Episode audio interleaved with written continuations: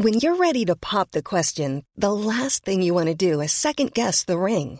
At Bluenile.com, you can design a one of a kind ring with the ease and convenience of shopping online. Choose your diamond and setting. When you find the one, you'll get it delivered right to your door. Go to Bluenile.com and use promo code LISTEN to get $50 off your purchase of $500 or more. That's code LISTEN at Bluenile.com for $50 off your purchase.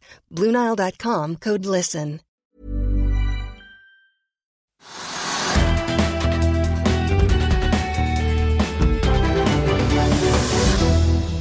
Velkommen til Økonominyhetene. Det har blitt torsdag 13. april. I går kom det ferske inflasjonstall fra USA og referatet fra det siste rentemøtet i Fed 21. og 22. mars. Til å se nærmere på det har vi med oss sjeføkonom i DNB Kjersti Haugland og Finansavisens makroekspert Are Haram. Men aller først litt av det som skjer på aksjemarkedet nå i dag.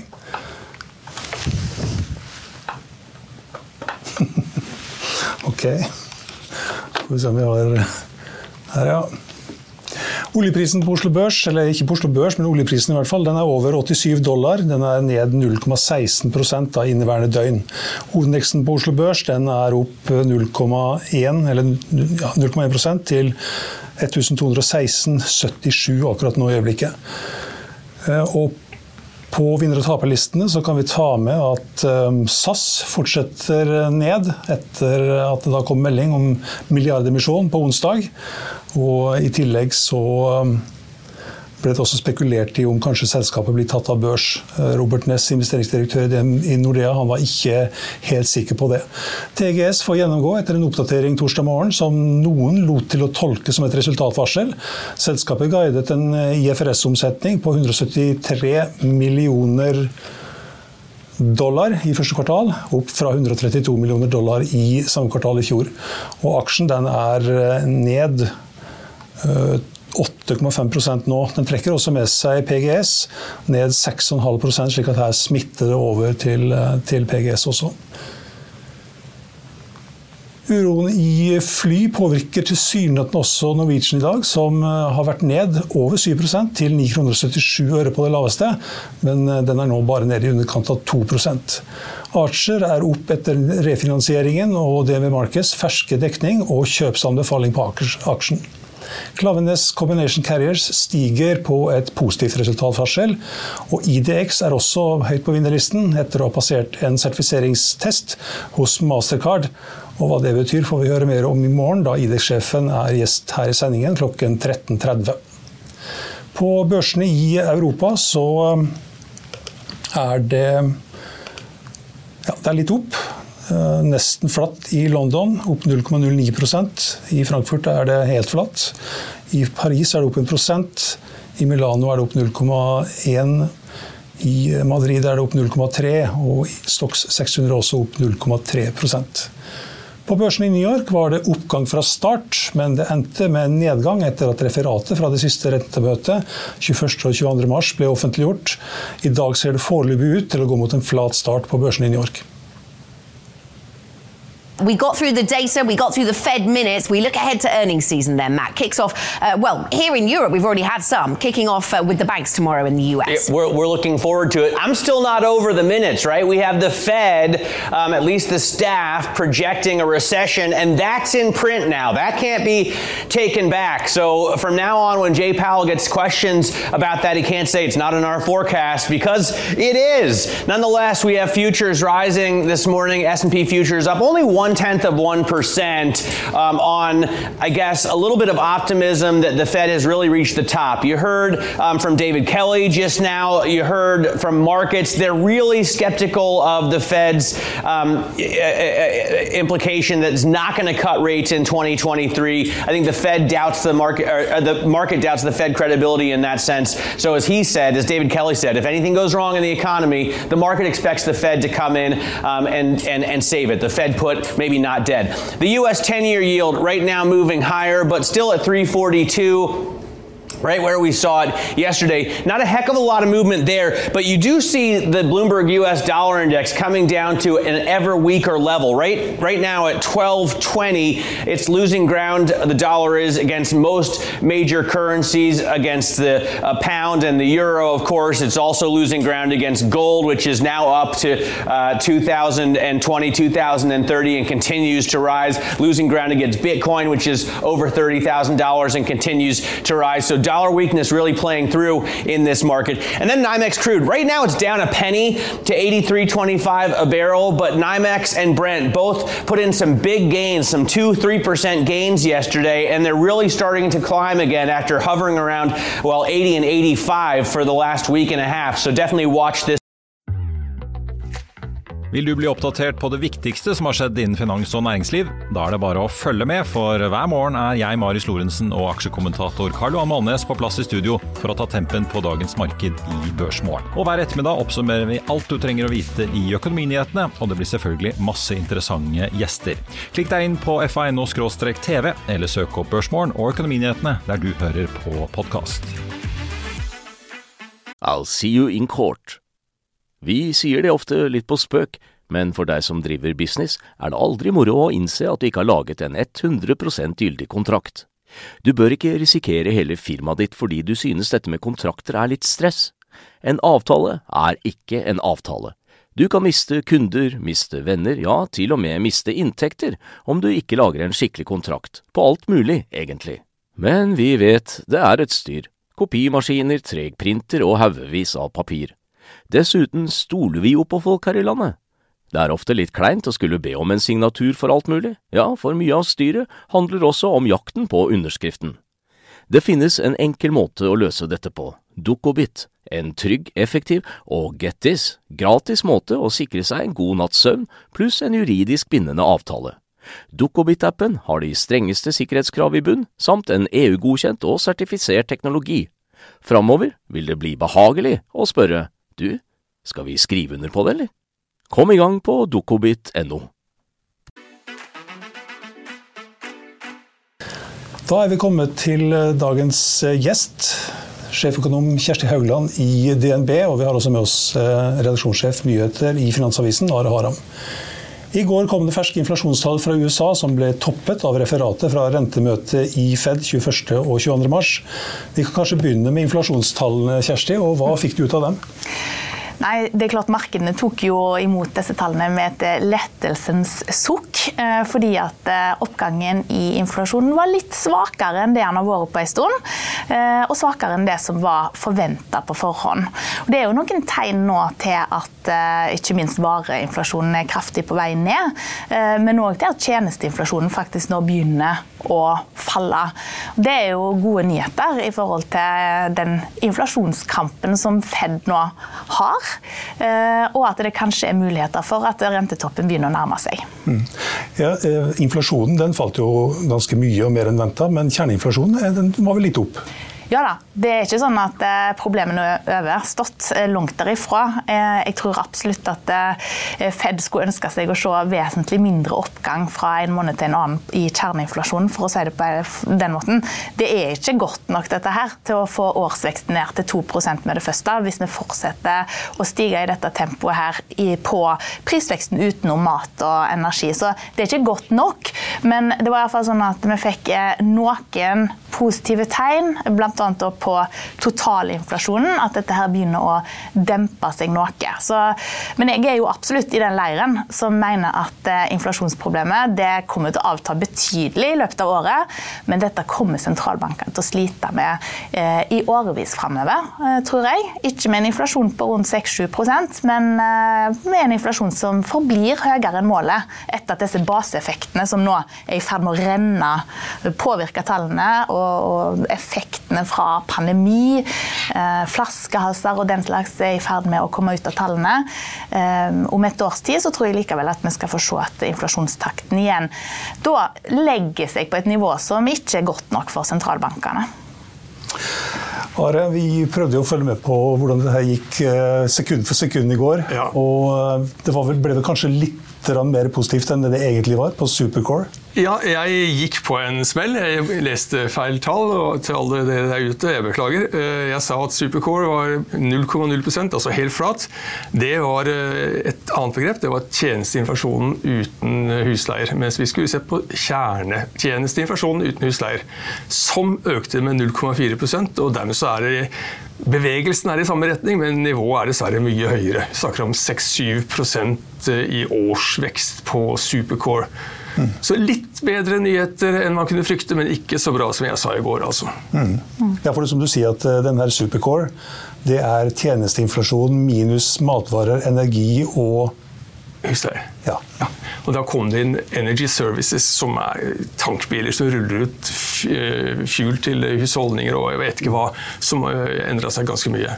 Mm, men 0,4 også var litt under det som vi har sett eh, gjennom vinteren? Ja, eh, pilen peker ned. Mm. Jeg tror Supercore var på, sånn, på åttetallet litt eh, rundt nyttårstid. Nå må dere ta alt jeg sier med forbehold igjen, men pilen er på vei ned, for, også for Supercore, i riktig tall. Mm. Kjersti, dere forventer at det blir renteheving fra Fed nå i mai. Mm. Er det da slutt, og når kommer i så fall første kuttet, slik dere ser det? Vi tror først og fremst at markedets forventninger om et relativt snarlig rentekutt, eh, det har vi ikke tro på.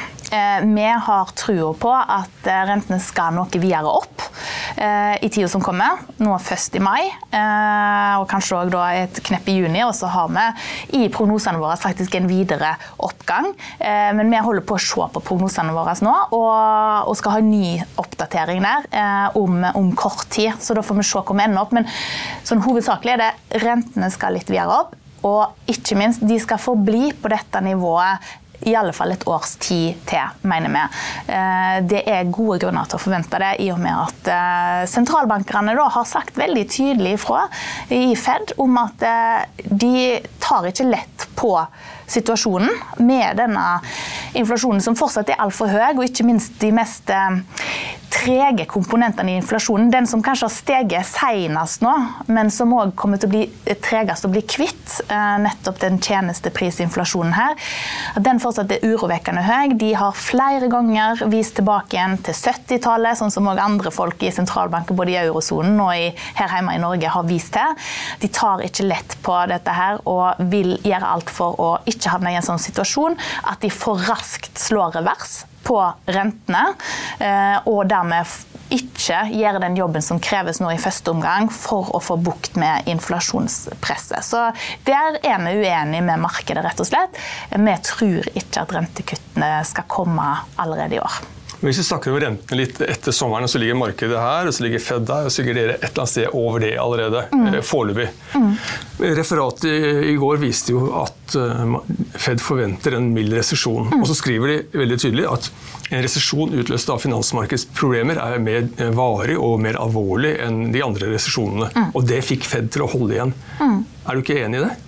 Jo, hvis dette skulle utvikle seg til en skikkelig finansiell skvis, et, et systemisk type eh, problem, noe av karakter sånn som vi så under finanskrisen, eller en lettere variant av det, så er det klart at da er situasjonen helt annerledes enn det jeg nettopp nå skisserte.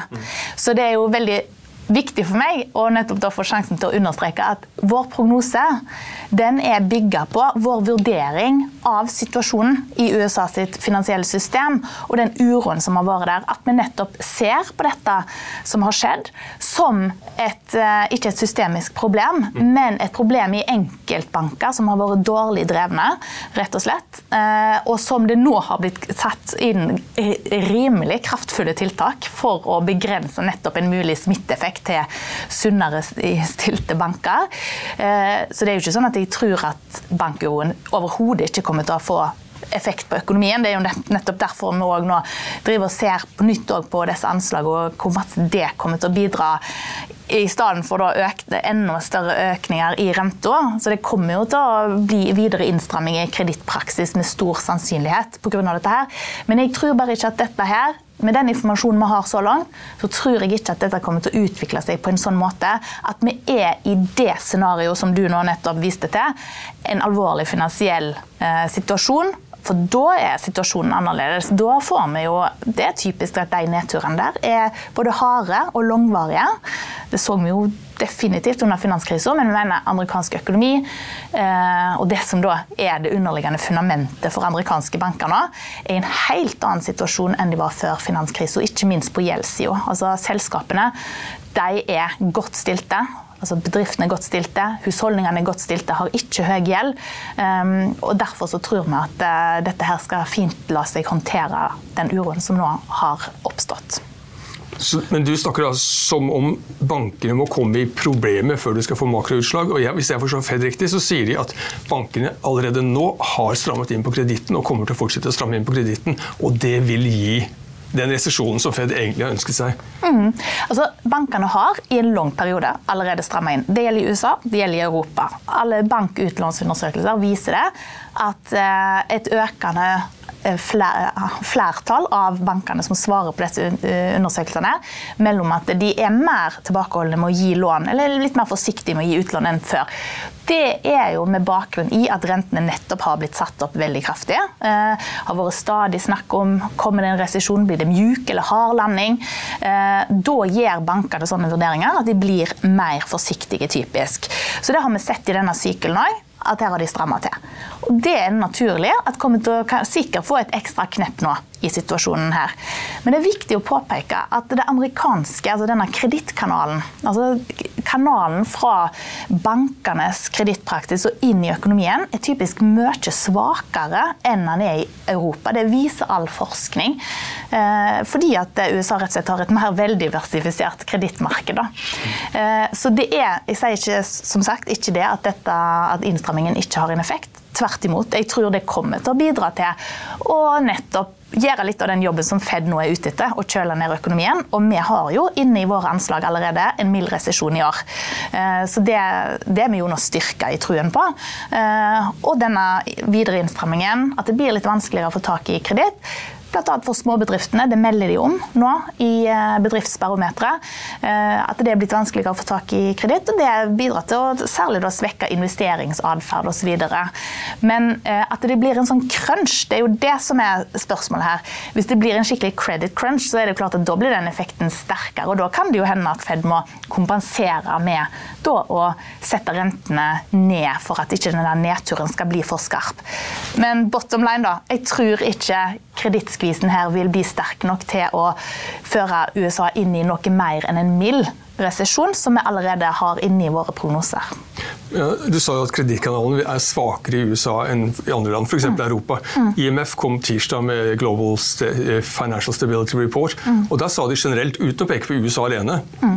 at hvis man får en finansiell tumult, jeg husker ikke graden av det, hvis man får mm. innstramming gjennom kredittmarkedene, mm så vil sentralbankene måtte suspendere inflasjonsmålet en periode. Mm. Og, men skrive ved siden av MB vi kommer tilbake til saken så lenge de andre er løst. Mm. Tror du på det? Jeg tror på at IMF sier det. Ja, det, det, gjør de jo. Eh, og så er sentralbanker, mange av de uenige i det. Eh, blant annet i USA så har det vært gjort et stort poeng ut av at dette separasjonsprinsippet. Eh, vi skal håndtere finansiell uro med noen instrumenter, sånn som til de grader har blitt satt på plass nå eh, i USA ved hjelp av eh, diverse typer eh, kriseordninger for bankene. Og så håndterer de da rentevåpenet det skal brukes for å få inflasjonen ned. Eh, og jeg tviler på at sentralbankene så lett kommer til å kaste dette på båten, ikke minst i lys av den kommunikasjonen de har ført tidligere om at altså faren for at vi er tilbake igjen i en sånn situasjon der det viser seg vanskelig å få bukt med et sånn høyinflasjonsregime, som vi jo har kommet inn i. da. Som vi nå, hvis jeg får ta et, et ja. til, eh, nesten er kommet inn i Norge. Vi hadde økt både totalinflasjon og kjerneinflasjon i siste målingen. Mm. Eh, det, og det er jo før effekten av kronesvekkelsen egentlig har slått ut i importprisene. Mm. Mm. Og Norges Bank har vært tydelig på at eh, kampen mot en enda svakere krone er pri nummer én. Det er liksom nesten det viktigste de driver med. Det ser ikke ut som de lykkes for tiden. Nei, det gjør de ikke. Eh, og vi er jo et lågrenteland nå. Eh, altså vi er definitivt lavere på renta enn USA. Eh, og vi er på linje med kan du si, ECB og Riksbanken nå. Men den innstrammingen altså de starter jo, Både Riksbanken og ECB starta fra et lavere nivå enn mm. Norges Bank òg, så de har jo stramma mer til i blant våre viktigere, viktigste handelspartnere enn det som har skjedd i Norges Bank. Så dette illustrerer jo nettopp den problemene med at Norge er en liten og åpen økonomi der sentralbankpolitikken jo slettes ikke er frikobla fra det som skjer der ute. Og nå virker det å være enda mer eh, fokus på disse tingene. Og så er det i tillegg sant? er det børsuro, er det problemer med I finansmarkedene så er jo det òg typisk veldig dårlig nytt for krona. Det pekte jo sentralbanksjefen òg på når, eh, ved forrige rentebeslutning. At skulle det utvikle seg ei, en mer alvorlig finansiell uro i forbindelse med bankene, så sa hun faktisk det at det, eh, er ikke klart hva virkning det skal ha på pengepolitikken, faktisk. Eh, fordi selvfølgelig det første vi tenker på er ja, da blir det credit crunch. Sant? Da blir det tilbakeholdne banker, kanskje her hjemme, men definitivt blant våre handelspartnere, da, som blir rammet av uroen ekstra hardt. Ja, da blir det svakere økonomisk vekst, ja, da skal vel renta ned. Men eh, turbulens betyr òg typisk svakere norsk krone og enda høyere inflasjonspress. Så hun var veldig tydelig på det, og jeg er helt enig i det at det, det er ingen tvil om at Norges Bank løfter veldig hensynet til krona, og de har gjort det i lang tid, egentlig. Løfta det opp. At dette er en viktig kanal som renta påvirker inflasjonen mellom. Og akkurat nå så sliter de eh, åpenbart med dette her. Eh, å få, å få nettopp denne kronekursen til å slutte å svekke seg. Du kjenner jo Ida Woldenbakke ganske godt.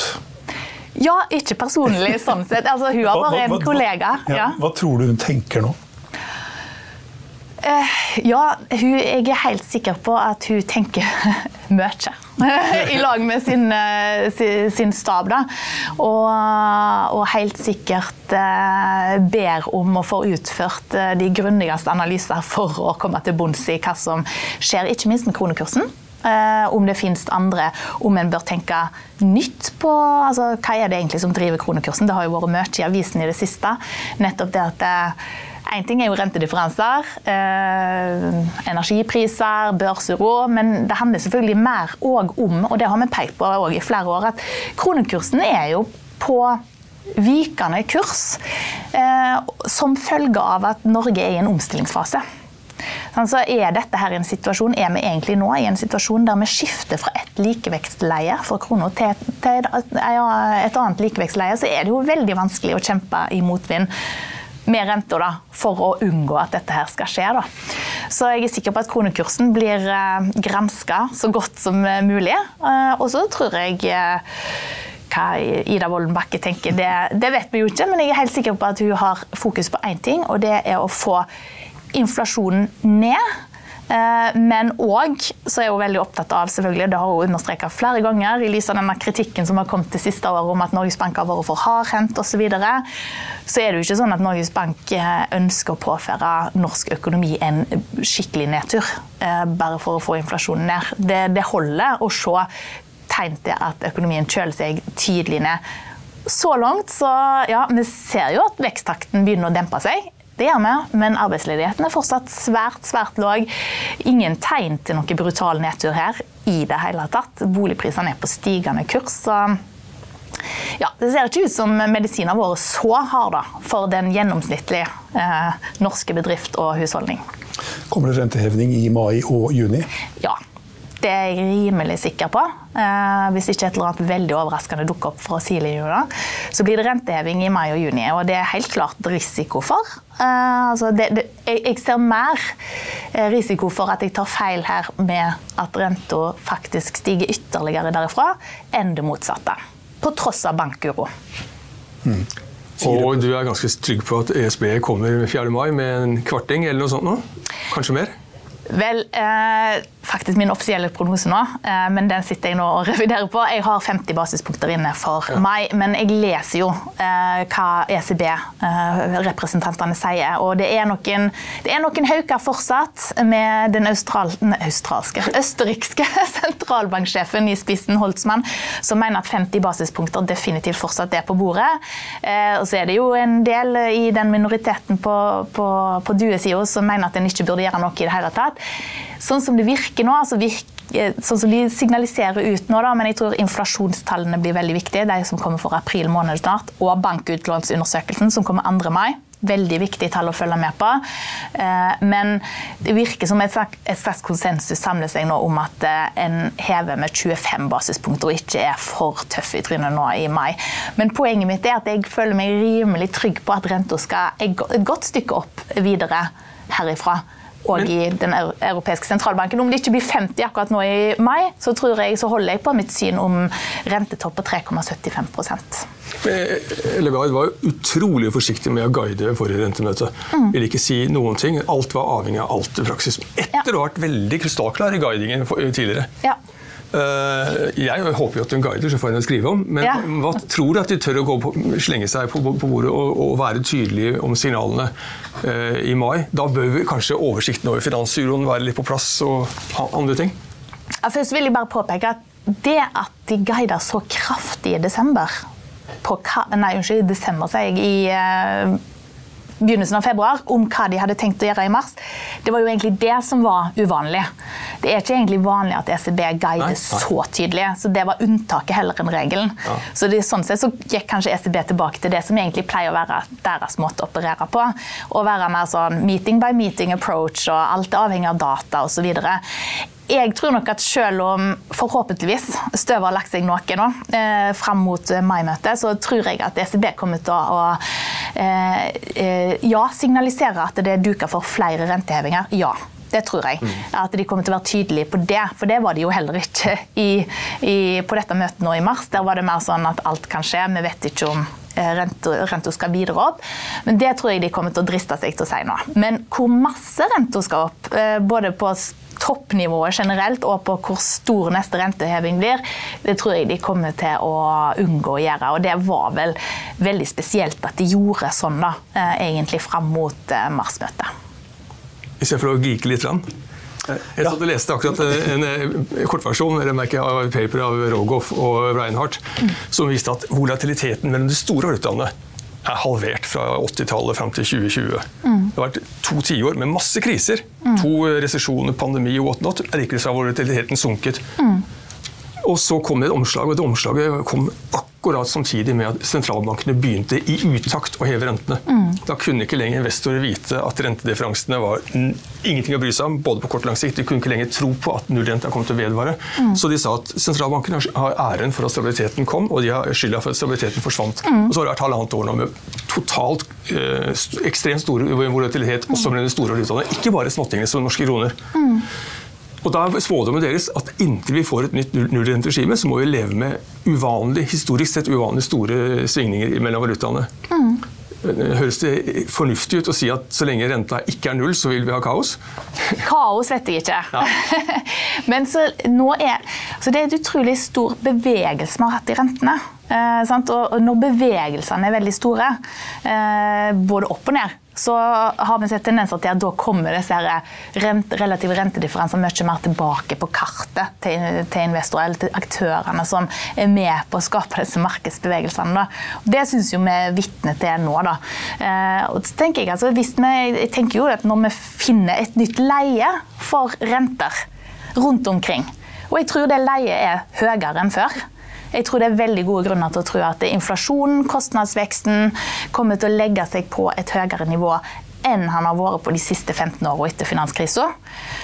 Mange grunner til det. Jeg vet ikke om jeg rekker å gå inn på dette, her, men det er iallfall eh, synet vårt. Og, og, da tror jeg nok at når, når en har liksom funnet det leiet, så, så er det jo da er det relative igjen kanskje mer rolige. Og da blir det antageligvis volatiliteten noe mindre igjen. Og det leiet kan dere lete etter eh, når vi er ferdige her. Vi eh, sier tusen takk til Kjersti Haugland og til Ara Haram. Vi er straks tilbake etter dette. For å skjønne god vin, så må du drikke mye dårlig vin. Det er så jævla godt og så er det det når du vasker glass også, at du bruker konstant samme vanntemperatur. Og jeg kan nesten ikke se han fra her jeg sitter, ja. lagrer store flasker bedre enn små flasker. Feile? Ja, det hører jeg til. Det er derfor vi blir bedre. Perfeksjon, det er uh, egentlig uh, noe som er umulig. Ja, Vi skal ta og oppsummere litt hvordan det står til på børsene.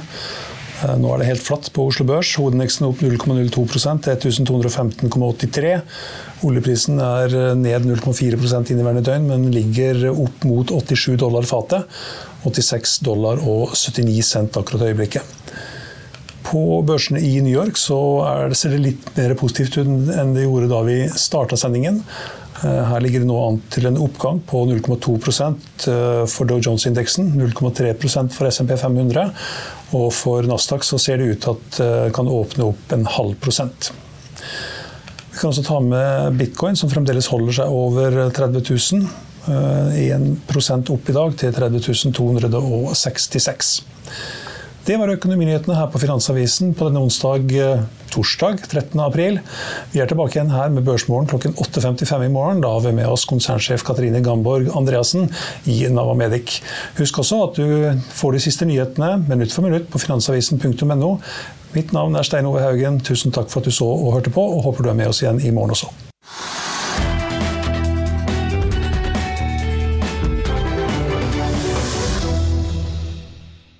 Økonominyhetene er en podkast fra Finansavisen. Programledere er Marius Lorentzen, Stein Ove Haugen og Benedikte Storm Bamvik. Produsenter er Lars Brenden Skram og Bashar Johar. Og ansvarlig redaktør er Trygve Hegnar.